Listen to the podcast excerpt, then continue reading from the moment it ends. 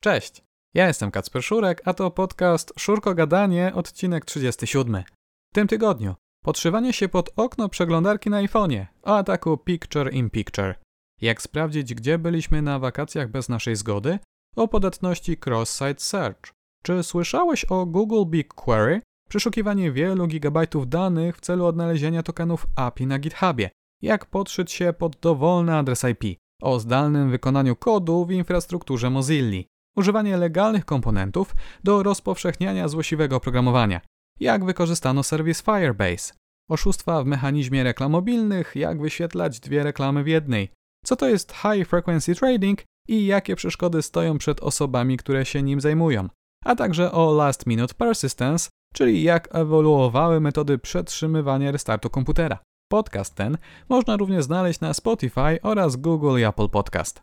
Większość informacji do tego odcinka odnalazłem dzięki weekendowej lekturze zaufanej trzeciej strony. Jeżeli ten materiał Ci się spodobał, rozważ zostawienie gwiazdki i recenzji w aplikacji Apple Podcast. Więcej informacji na temat bezpieczeństwa znajdziesz na naszej grupie od zera do pentestera na Facebooku. Zapraszam do słuchania.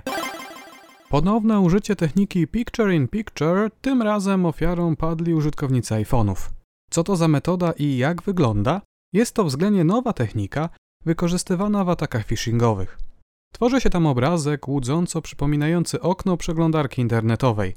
Jest tam zatem prawidłowa nazwa domeny, zielona kudeczka i wszystkie informacje wyświetlane przez normalne okno chociażby Chroma. Tylko, że nie jest to okno przeglądarki, a zwykła grafika wyświetlana w obrębie danej strony internetowej. Ma ona tylko symulować to okno tak, aby przekonać niczego nieświadomych użytkowników do podania swoich danych do logowania. Użytkownik widzi bowiem prawidłową nazwę domeny, zieloną kudeczkę i wydaje mu się, że wszystko jest ok. Kilka miesięcy temu ta technika wykorzystywana była w atakach na użytkowników Steama. Tym razem łupem padały konta Facebooka, kiedy to użytkownicy korzystali z iPhone'ów. W Safari bowiem, czyli natywnej przeglądarce pod iPhone'em, jeżeli przeskrolujemy daną stronę w dół, pasek z miejscem na nazwę domeny znika, tak aby jak największa część strony była widoczna. Pozostaje jedynie mała informacja z nazwą domeny i kółdeczką u samej góry. Wykorzystują to przestępcy. Jak działa atak? Tworzą witrynę, którą, aby zobaczyć, najpierw należy zalogować się do Facebooka. Po kliknięciu w link otrzymujemy informację, która pyta nas, czy chcemy tą stronę otworzyć w aplikacji Facebooka. To pierwszy trik stosowany w całym procederze. Okienko to jest łudząco podobne do tego używanego przez system, tylko że jest to zwykła grafika. Okno to bowiem nie otwiera aplikacji Facebooka. Dalej otwierana jest nowa zakładka. U góry widzimy pasek adresu ze stroną facebook.com i kółdeczką, a na dole miejsce na nasz login i hasło. Tylko wprawne oko zauważy, że prawdziwa nazwa domeny, pod którą się obecnie znajdujemy, jest wyświetlana u samej góry małą czcionką. Cała reszta to dobrze przygotowany obrazek. Tego rodzaju ataki są bardzo niebezpieczne i można się na nie łatwo nabrać zwłaszcza kiedy używamy komórek i nie przykładamy takiej uwagi do wszystkich szczegółów. Wszak ekrany są małe i nie zawsze wszystko wyświetla się prawidłowo. Wyglądy przeglądarek co jakiś czas się zmieniają. Statystyczny użytkownik może nie wiedzieć, jak dana funkcja wygląda obecnie. Jak zatem chronić się przed tego rodzaju atakami? Po pierwsze, możemy korzystać z menadżerów haseł. W tym wypadku taki menadżer nie podpowie nam naszego hasła do Facebooka, ponieważ znajdujemy się na innej domenie, do której hasła nie mamy zapisanego. Jest to zatem pierwsza czerwona flaga. Druga metoda to używanie 2FA, ale o tym już nieraz wspominałem w tym podcaście. Czasy, gdy posiadając aparat robiliśmy tylko kilkanaście zdjęć, już dawno minęły. Jednym z punktów sprzedażowych topowych smartfonów są coraz to lepsze aparaty w nie wbudowane. To sprawia, że z roku na rok ilość wykonywanych zdjęć, a także ich wielkość stale rośnie. Przez to coraz większa ilość osób przenosi swoje cyfrowe archiwa do chmury. Tak jest po prostu taniej, szybciej i bezpieczniej, a dodatkowo mamy dostęp do tych zasobów z każdego miejsca na Ziemi. Jednym z popularnych serwisów pozwalających na przechowywanie zdjęć jest Google Photo. Ale samo przechowywanie zdjęć to nie wszystko. Wykorzystując sztuczną inteligencję, witryna analizuje każdy z przesłanych materiałów, odpowiednio tagując informacje, które na nim znalazła.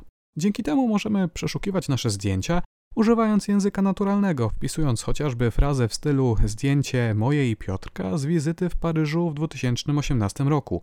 AI bowiem nie tylko rozpoznaje przedmioty i krajobrazy, ale także sylwetki osób znajdujących się na zdjęciach. No dobrze, ale co w tym złego?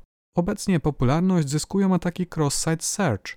I niech nie zwiedzie cię początek nazwy, który może ci się kojarzyć z atakami XSS, czyli wykonaniem nieautoryzowanego kodu JavaScript na naszej stronie internetowej.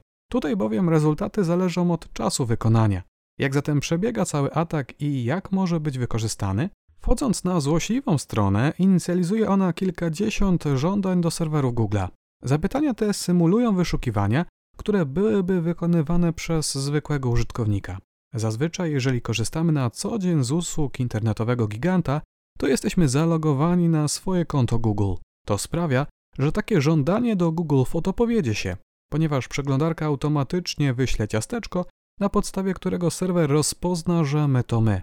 Ale w standardowej ścieżce pentestera tutaj cała sprawa się kończy, ponieważ serwer jest bezpieczny i zewnętrzna strona nie ma jak pobrać danych, które zostały zwrócone przez ten serwer. A to wszystko dzięki mechanizmowi Same Origin Policy.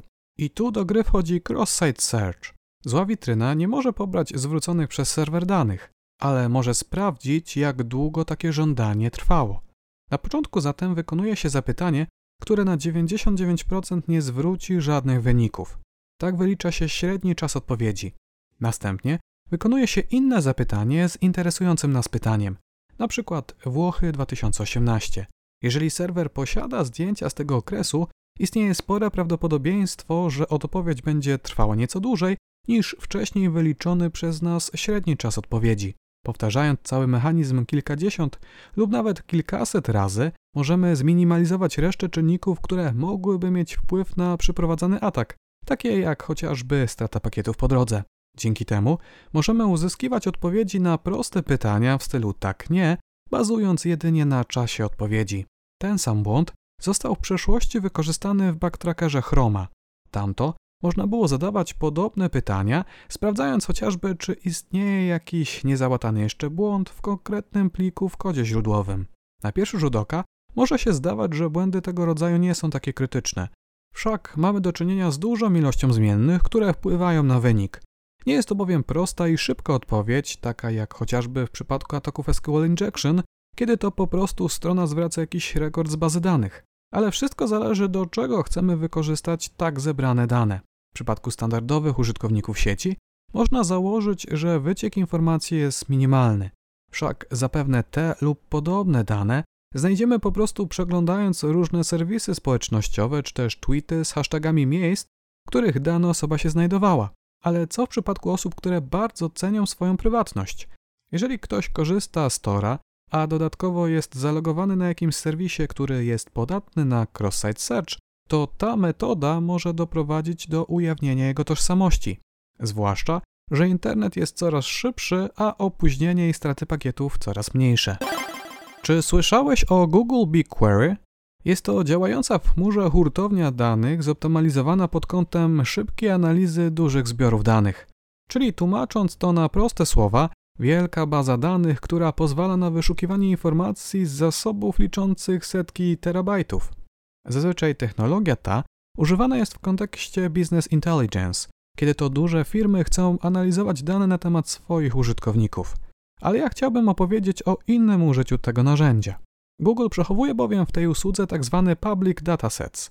W bazie znajdują się zatem informacje z pytaniami programistów z forum Stack Overflow, dane na temat pożarów w San Francisco, czy też 3,5 miliona książek, które zostały skonwertowane na postać cyfrową. Są tam również dane z serwisu GitHub, czyli jednego z większych serwisów przechowujących publiczne i prywatne repozytoria Gita, czyli systemu kontroli wersji używanego przez programistów na całym świecie.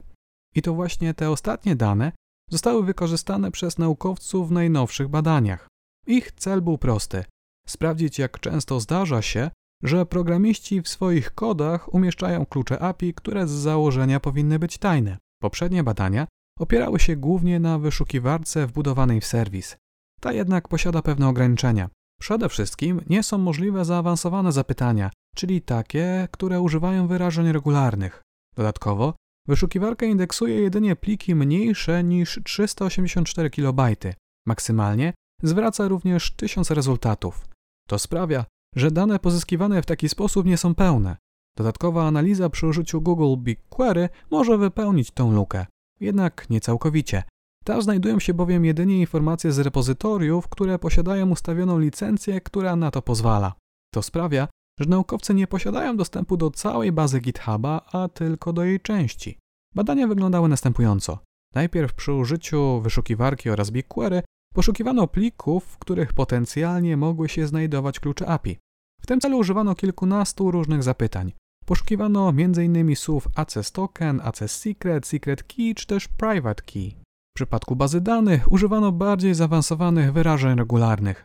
W ten sposób poszukiwano tokenów Amazona, Google'a oraz Twittera. Po uzyskaniu nazw plików ściągano ich treści, które to były następnie odpowiednio filtrowane. Całe badanie trwało pół roku. Jakie są wnioski? 19% opublikowanych kluczy została usunięta z repozytoriów w przeciągu 16 dni. To pokazuje, że ze sporej części wycieków programiści zdają sobie sprawę i nie są one celowe i wynikają z ludzkiego błędu. Oprócz tokenów API odnaleziono ponad 7000 kluczy RSA, które znajdowały się w plikach konfiguracyjnych OpenVPN-a. Przy ich użyciu możliwe było połączenie z danym serwerem bez posiadania hasła.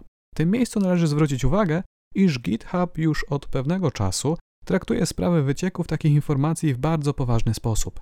W tym serwisie działa tzw. Tak token scanning, czyli system sprawdzający całe repozytoria w poszukiwaniu kluczy należących do kilku największych firm. W przypadku odnalezienia tokenu w publicznym kodzie, dane na temat takiego klucza są automatycznie wysyłane do firmy, która go wystawiła, a następnie blokowane. Dzięki temu użytkownicy tego serwisu posiadają dodatkową linię obrony w przypadku swoich błędów.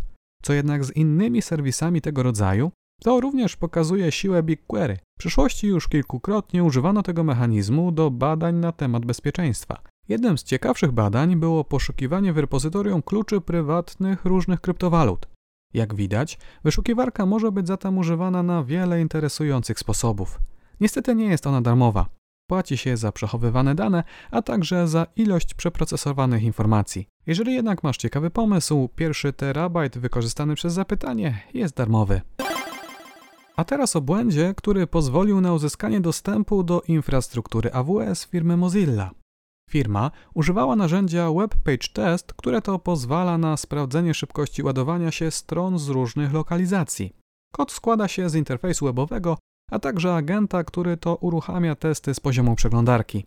Prywatne instancje tego narzędzia zazwyczaj są zabezpieczone loginem i hasłem, tak aby osoby spoza organizacji nie mogły z niego korzystać. Tym razem jednak ta instancja była dostępna dla wszystkich. Ale to nie jedyny błąd. Jeżeli żądanie do GUI pochodziło z lokalnego serwera, czyli z adresu 127.0.0.1, możliwe było wysłanie pliku zip, którego to treść była zapisywana na serwerze.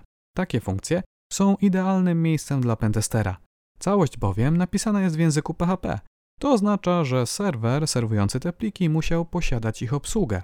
Jeżeli zatem możliwe było zapisanie pliku z rozszerzeniem PHP, mogło to doprowadzić do zdalnego wykonania kodu.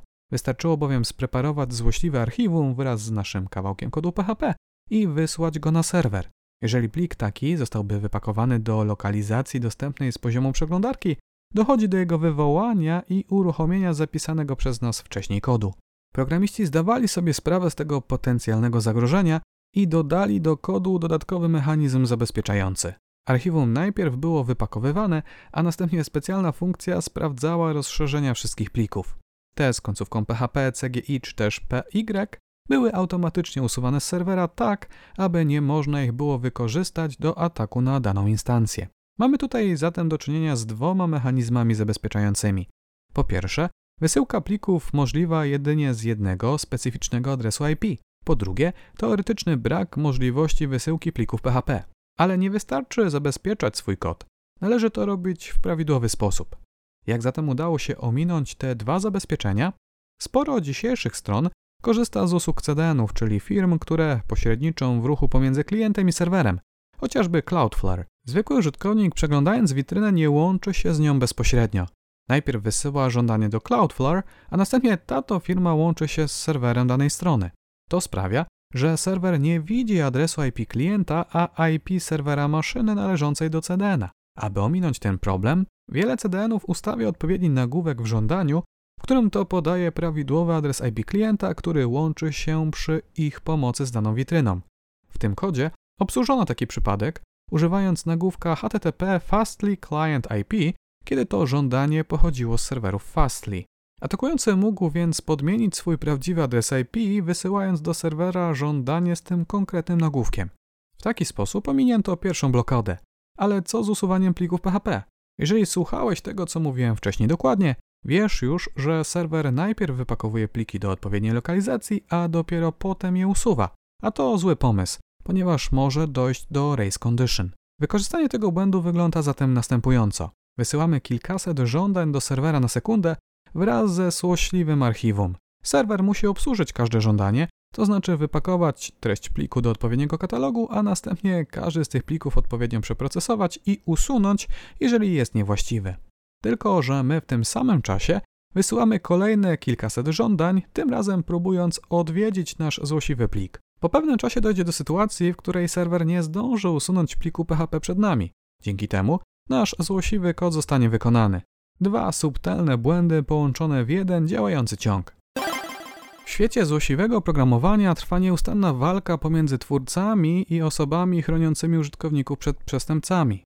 Tym razem o malware'ze dystrybuowanym na stronach internetowych. Pomysł jest prosty. Wyświetla się reklamy, które informują ofiarę, iż musi ona zaktualizować swoją wersję Adobe Flash Playera. Nie wykorzystuje się tutaj żadnych błędów czy też exploitów, a czystą socjotechnikę. Użytkownik musi bowiem samemu pobrać i uruchomić złośliwy plik. Kod wyświetlający takie reklamy bardzo ewoluował. Jest on zaobfuskowany, czyli napisany w taki sposób, aby jego analiza była znacząco utrudniona. Z jednej strony jest to zła wiadomość dla osób analizujących dane oprogramowanie. Z drugiej jednak strony taki kod nie wygląda jak nic, co mogłoby być pisane ręką człowieka. Dużo losowych zmiennych, dziwne nazwy i konstrukcje niespotykane w realnym kodzie. To sprawia, że nawet osoby słabo zaznajomione z informatyką intuicyjnie mogą domyślać się, że coś w tym przypadku jest nie tak. Ale zasady gry co chwilę się zmieniają. Teraz widoczny jest trend, gdzie przestępcy starają się jak najbardziej upodobnić swój złośliwy kod do tego pisanego przez zwykłych programistów. Jaka sztuczka została użyta tym razem? Firebase to platforma używana głównie przez twórców aplikacji mobilnych. Udostępnia ona m.in. bazę danych NoSQL. Można się z nimi łączyć bezpośrednio z aplikacji mobilnej i zapisywać czy też pobierać interesujące dane w czasie rzeczywistym. Tym razem ten mechanizm został użyty przez twórców złośliwego oprogramowania. Wykorzystali oni kawałek kodu, który to łączy się z taką bazą danych, a następnie pobiera z niej jeden rekord. Treść tego rekordu jest następnie przekazywana do funkcji eval, co sprawia, iż kod tam się znajdujący jest wykonywany przez przeglądarkę. Na pierwszy rzut oka nie ma tu zatem niczego złego. Od jakiś programista testuje nową technologię, wykorzystując przykład z manuala i pobiera jakiś rekord, wyświetlając go na stronie. Cała złośliwa treść jest bowiem przechowywana w bazie danych Firebase. A sprawdzając tą domenę, widzimy, że jest ona zaufana i wykorzystywana przez wiele osób na całym świecie. To nie jedyny przykład, gdzie złośliwe oprogramowanie wykorzystuje popularne strony. Mieliśmy już do czynienia z przypadkami przechowywania złośliwych informacji na GitHubie, Twitterze czy też Facebooku. Każde dane można bowiem odpowiednio zaszyfrować tak, aby bez odpowiedniego klucza nie były zrozumiałe dla nikogo. Gry i programy mobilne to coraz większy rynek. Wszak większość z nas przynajmniej kilkadziesiąt minut dziennie spędza w autobusie, pociągu czy też samolocie. Wtedy to można słuchać muzyki, czytać książkę lub też zagrać w prostą grę na telefonie. Tutaj nieco inaczej niż na komputerach i konsolach królują mikropłatności, a także reklamy. Ciężko jest bowiem zmusić użytkownika do kupna gry od razu, w ciemno. Łatwiej natomiast przekonać go do wyświetlenia jakiejś reklamy przez kilka sekund w zamian za kolejne życie czy też dodatkowe funkcje w grze. Dla wielu osób tworzenie takich gier i aplikacji to sposób na zarabianie pieniędzy. Ale jak to bywa, reputację buduje się szybko, a stracić ją można w kilka sekund.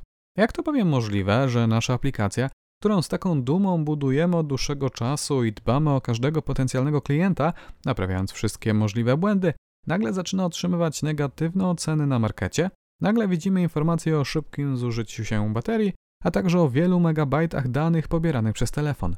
Jak to możliwe? Okazuje się, że przez reklamy. Tamto kwitną nielegalne praktyki, na których to zarabia wielu pośredników, a tracą jedynie twórcy aplikacji. Jak działa cały schemat? Każdy właściciel gry może określić, kiedy pojawią się reklamy oraz jaka jest ich wielkość oraz czas trwania. Następnie takie miejsce może zostać wykupione przez jakąś firmę do promowania swoich własnych treści. Jak można się domyślać, ceny zależą od popularności aplikacji, ale również wielkości danej reklamy. Oczywistym wydaje się być fakt, iż reklama pełnoekranowa, która blokuje rozgrywkę na dłuższy czas, jest droższa niż baner na samym dole telefonu. Niektórzy postanowili nadużyć ten mechanizm. Wykupują takie tanie reklamy i przynajmniej w teorii reklamują różne produkty i usługi przy jej pomocy. Tylko, że w tle, oprócz tej malutkiej reklamy, wyświetlają się długie reklamy wideo. Są one niewidoczne dla użytkowników z powodu specjalnego kodu, z jakiego te reklamy korzystają. Tylko, że te materiały do tej reklamy są pobierane z internetu, a reklamodawca płaci za tak wyświetloną reklamę. Wszak reklamodawca nie posiada informacji, że reklama jest wyświetlana w taki sposób, że użytkownik jej nie widzi. A zarabia na tym dodatkowy pośrednik, który wykorzystując małe miejsce reklamowe wyświetla dużo droższe reklamy. A cała różnica to zysk, który zostaje w jego kieszeni. I rzeczywiście, jeżeli mała reklama widoczna jest cały czas, a w tle pobiera on na inne, większe i wyświetla je w kółko, telefon cały czas zużywa zasoby oraz moc obliczeniową, a cały hejt spływa na twórcę danej aplikacji. Wszak tylko ona w danym momencie jest uruchomiona. Tylko, że ten twórca nie ma większego wpływu na cały proceder. Wszak on tylko wypożycza miejsce, które to jest sprzedawane przez duże agencje, które to winny weryfikować wszystkie wyświetlane reklamy. Tylko, że to nie do końca leży w ich interesie. Wszak te większe reklamy mogą również należeć do ich klientów, a od każdego takiego wyświetlenia otrzymują prowizję. Interesujący rynek, w szczególności dla firm reklamujących swoje produkty. Jak bowiem sprawdzać, czy wszystkie wyświetlenia są prawdziwe? Żyjemy w czasach, w których praktycznie każdy element naszego życia jest zautomatyzowany. Ta automatyzacja istnieje również w bankach. Coraz częściej to automaty oceniają naszą zdolność kredytową, proponują kartę z odpowiednim limitem, bazując na operacjach przez nas wykonywanych, czy też korzystne lokaty w momencie, gdy chcemy przenieść nasze fundusze do innego banku. To są rzeczy, które widzimy na co dzień, ale istnieje też inny, większy, niewidoczny dla postronnych osób świat handlu wysokich częstotliwości. Jest to technika inwestowania polegająca na zawieraniu wielu transakcji giełdowych w jak najkrótszym czasie. Tutaj decyzje podejmują algorytmy. Zysk z jednej transakcji zazwyczaj nie przekracza ułamkowych części grosza. Jeżeli jednak pomnożymy te części przez wielką ich liczbę, możliwy jest spory zysk. Tutaj liczą się każde milisekundy. Największe firmy z tej branży stawiają swoje komputery jak najbliżej budynków giełdy. Im bliżej bowiem giełdy są, tym szybciej mogą przesyłać do niej swoje transakcje. Ale ten mechanizm, podobnie jak i cała giełda, zachowuje się dziwnie w przypadku kryzysu. Widać to na wielu przykładach, kiedy do mediów przedostają się złe informacje na temat jakiejś firmy, jej wycena momentalnie spada. To samo widoczne jest tutaj, tylko że tym razem nie decydują o tym ludzie, a algorytmy. One to nieustannie przeszukują internet, sieci społecznościowe i Twittera w poszukiwaniu najciekawszych informacji, które mogłyby wpłynąć na wycenę danej firmy. I tu pojawia się problem. Co bowiem, jeżeli złośliwy aktor posiada wiedzę na temat modelu, który używany jest przez taką firmę. Wie wtedy, jakie informacje algorytm bierze pod uwagę, jakie ocenia i analizuje. Wie zatem, co należy zrobić, aby robot podjął niekoniecznie dobrą decyzję. Przyszłości możemy mieć zatem do czynienia z fałszywymi kampaniami informacyjnymi. Takie rzeczy miały już miejsce. Weźmy chociażby przypadek z 2013 roku, kiedy to przejęto konto Associated Press na Twitterze. Użyto go do wysłania szokującej wiadomości. Eksplozja w Białym Domu, prezydent ranny. To wystarczyło, aby na giełdzie pojawił się znaczący spadek. Ludzkość za jakiś czas może zatem stanąć przed nie lada problemem. Jak rozpoznać prawdziwą wiadomość od tej zmyślonej? Najprostszy algorytm to sprawdzenie, jak wiele serwisów opisze ten sam incydent, tylko że ta metoda nie działa. Wszak obecnie wiele serwisów kopiuje swoje treści, delikatnie tylko zmieniając użyte w artykule słowa. Czy to zatem koniec dziennikarstwa, jakie znamy obecnie? Kiedy mówimy o złośliwym oprogramowaniu, to jedną z pierwszych rzeczy, jaką zazwyczaj wykonuje malware na komputerze ofiary, jest uzyskanie persystencji w systemie. Tłumacząc to na prostsze słowa, wykonanie czynności, które pozwalają na przetrwanie ponownego uruchomienia systemu operacyjnego. Czyli złośliwy kawałek kodu powinien się ponownie uruchomić, tym razem już bez udziału użytkownika, kiedy ten ponownie uruchomi swój komputer. Jednym z bardziej popularnych miejsc, które służą właśnie do tego celu, jest folder AutoStart. W Windowsie Wszystko, co znajduje się w tym folderze, zostaje automatycznie uruchomione wraz z uruchomieniem systemu operacyjnego. Zatem malware po zainfekowaniu dodaje tam swój wpis. Tak to dzieje się zazwyczaj, ale jak to mówią, od każdej reguły istnieją wyjątki. Teraz możemy się natknąć na sformułowanie last minute persistence. W tym to podejściu zapis złośliwego pliku do katalogu AutoStart wykonywany jest jak najpóźniej się da, skąd taka nagła zmiana nie jest niczym odkrywczym, iż często sprawdzając komputer pod kątem trojanów, sprawdza się właśnie ten katalog jako jedno z pierwszych miejsc, które może być używane w zły sposób. Dzięki temu możliwe jest szybkie natrawienie na plik, który może być głęboko schowany w odmętach dysku twardego. Jeżeli takiego wpisu nie ma, znalezienie złośliwego kawałka kodu jest znacząco utrudnione. Przestępcy działają zatem następująco. W tle nasłuchują, czy nie następuje czasem zamknięcie systemu. Jeżeli system wysyła taki sygnał, uzyskują swoją persystencję. Ale to nie wszystko. W momencie swojego ponownego uruchomienia po restarcie usuwają wcześniej stworzony rekord. Nie jest on już potrzebny, aż do momentu, gdy system ponownie będzie zamykany. Wtedy to zostanie po raz kolejny stworzony na ten krótki moment, kiedy to komputer nie jest używany. Oczywiście takie podejście ma jedną wadę. W przypadku blue screena, czyli ekranu śmierci, kiedy to system z nieznanych sobie powodów się zawiesza, uzyskanie persystencji nie będzie możliwe. Z drugiej jednak strony, takie podejście znacząco utrudnia odnalezienie złego pliku. Przykład, jak podejście przestępców zmienia się wraz z czasem. I to już wszystko w tym tygodniu. Zapraszam do komentowania i lajkowania i widzimy się już za tydzień. Cześć!